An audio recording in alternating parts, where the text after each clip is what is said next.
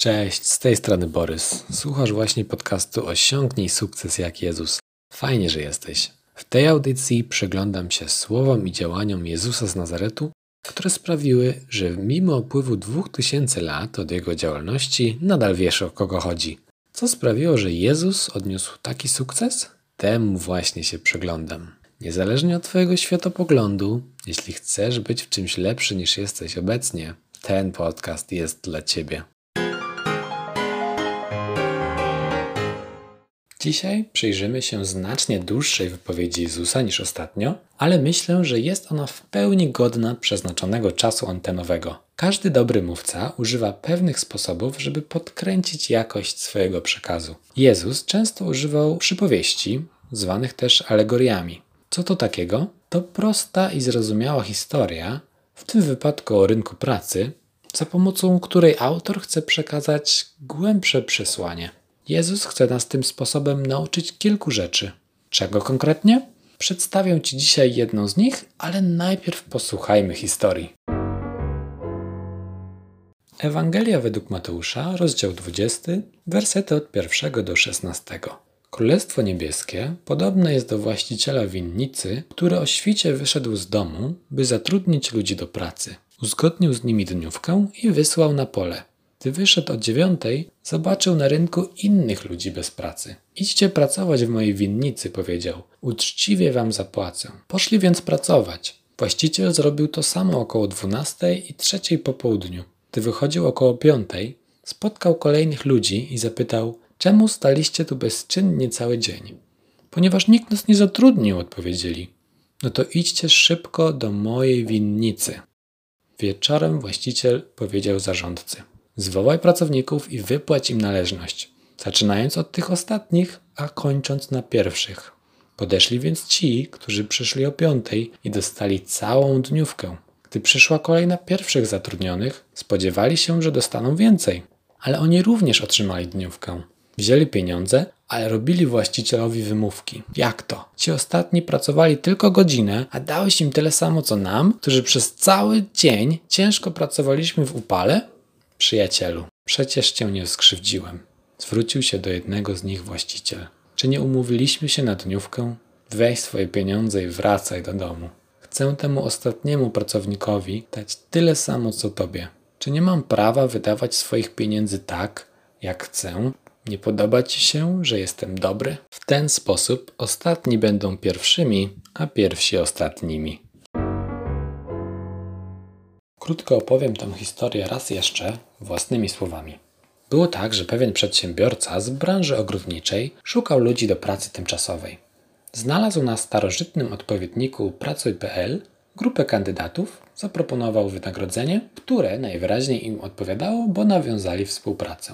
Potem szef zatrudnił jeszcze cztery grupy bezrobotnych, każda zaczynała kilka godzin później niż poprzednia. Widać, że sytuacja na rynku pracy nie była najlepsza, bo niektórzy długo czekali i już pewnie mieli się zabierać do domu rozczarowani, aż tu nagle dostali super ofertę last minute. Mini lekcja na temat szukania pracy jest taka, żeby się nie zniechęcać i wysyłać CV do skutku. Wróćmy jednak do historii. Praca była ciężka, fizyczna, w upale, w końcu przyszedł upragniony czas wypłaty. I tutaj niespodzianka, bo szef polecił zapłacić części pracowników więcej niż się spodziewali. Takiego szefa życzę każdemu. Część pracowników, ta pracująca najdłużej, była pewna, że też dostanie więcej. Dostali jednak tylko albo aż tyle, na ile się umówili.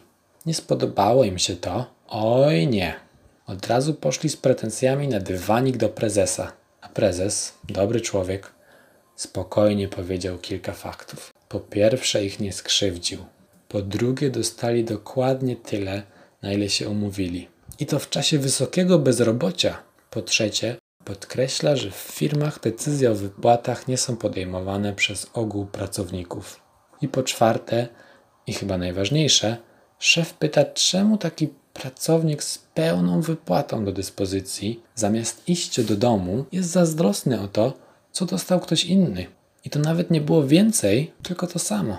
Myślę, że tą wypowiedzią Jezus chce nam przekazać, że postawa tej narzekającej grupy pracowników nie jest godna naśladowania, że nie powinniśmy robić tak jak oni. Czyli czego nie robić? Przesłanie jest tutaj moim zdaniem proste. Nie porównuj się z innymi. A przynajmniej porządnie się zastanów, czy z tego porównywania się wychodzi coś dobrego. Jesteś wyjątkowy. Nie tylko pod względem obiektywnych danych, takich jak DNA, odcisk palca czy tęczówka w oku, nie tylko. Nikt nie miał takich rodziców jak ty. Nikt nie przeszedł tego samego co ty. Nikt nie ma dokładnie tych samych predyspozycji i talentów co ty. Nikt nie doznał tych samych smutków i tych samych radosnych chwil co ty. Nikt nie ma takich marzeń i celów jak ty. Jesteś niewątpliwie wyjątkowa albo wyjątkowy pod każdym względem, drogi słuchaczu, droga słuchaczko. Dlaczego ci to mówię? Żebyś się nie porównywał do innych. To zdaniem Jezusa bez sensu. Gdyby ci pracownicy nie porównali się z innymi, wzięli pieniądze i wrócili do domu, ciesząc się wolnym wieczorem, dobrze by na tym wyszli. A tak, to teraz są wściekli i jeszcze długo będą, bo nie dostali tego, czego chcieli. Ponadto ktoś obnażył ich zazdrość i do tego jeszcze marnują właśnie swój czas, zamiast delektować się fajrantem. Czego uczy nas Jezus wypowiedzią tego przedsiębiorcy? Tego, że każdy jest inny, a wiele od nas nie zależy, więc powinniśmy zawsze umieć docenić swoją sytuację. W wielu przypadkach nie ma sensu się porównywać. Zastanów się, jak się czujesz, gdy porównujesz się z innymi i okazuje się, że masz mniej, jesteś w czymś gorszy, ktoś ma coś, czego ty nie masz, chociaż może ty bardziej zasługujesz. Jak się wtedy czujesz? Ja najczęściej po porównaniu się z kimś z wynikiem negatywnym czuję się źle. Czasami nawet bardzo. Odechciewa mi się. Szczególnie przed posłuchaniem Rady Jezusa często porównywałem się z innymi. To, ile ktoś zarabia, gdzie spędza wakacje, jaki ma samochód, dom, mieszkanie, jaką pracę, czy ludzie śmieją się z jego żartów, czy ludzie go lubią, czy jest zapraszany tu i tam, jak mu się układa w związku, jak bardzo jest w czymś dobry, co osiągnął, ile dostał lajków. I kiedyś uświadomiłem sobie, jak bardzo staje się zazdrosny i sfrustrowany po porównywaniu się. A działo się to głównie w trakcie przeglądania Facebooka. Do mediów społecznościowych wrzuca się tylko najlepsze momenty swojego życia. To tylko promil, tylko mały wycinek rzeczywistości. Jej najlepsza, najbardziej kolorowa część. I najsmutniejsze jest to, że ja robiłem dokładnie to samo. Byłem gdzieś na fajnych wakacjach, no to pyk, post. Było fajnie na randce, no to cyk i już uśmiechamy się razem z ekranów kilkuset znajomych. Wrzucałem głównie po to, żeby się dowartościować. Reakcje i komentarze były czasem dla mnie ważniejsze niż to, co przedstawiały zdjęcia. Nie chciałem tak żyć. Porównywać się z frustrującym rezultatem i zachęcać do tego innych. Pragnąłem zmiany. Facebook ma wiele fajnych funkcji, takich jak komunikator albo grupy, więc nie chciałem z niego rezygnować całkowicie. Odkryłem super opcję, że można kogoś przestać obserwować, ale pozostać znajomymi. Posty i działania tej osoby albo fanpage'u nie pojawiają się już w głównym panelu. I tak właśnie odsubskrybowałem wszystkich znajomych, że aż system zgłupiał i nawet reklam nie chciał mi czasem pokazywać. I co? I odetchnąłem pełną piersią, bo czego oczy nie widzą, tego sercu nie żal. Już nie widzę tych najlepszych momentów życia innych ludzi i lepiej mi z tym. Nadal mogę wejść na jakiś profil albo po prostu z kimś pogadać, jeśli mam ochotę. Teraz pewna uwaga. Jak mówiłem, każdy jest inny, wyjątkowy. Może ty masz wręcz odwrotnie i widząc super życie innych, jesteś zainspirowana, zainspirowany i to daje ci kopa do działania. Jeśli tak, to super. Wykorzystaj to jak najlepiej, bo jak widzisz, nie jest to uniwersalna cecha. A więc inspirowanie się innymi, jak najbardziej tak, ale porównywanie się zakończone bezproduktywnym dołem nie jest dobrą drogą. Ok, czas na zastosowanie dla Ciebie. Dzisiaj oferta specjalna, dwie sugestie w jednym odcinku. Po pierwsze, rozważ radykalne odchudzenie Twoich mediów społecznościowych, tak, żeby nie widzieć rzeczy, które sprawiają, że po prostu źle się tam czujesz. To nie boli, nic nie kosztuje i można to cofnąć. Polecam więc spróbować.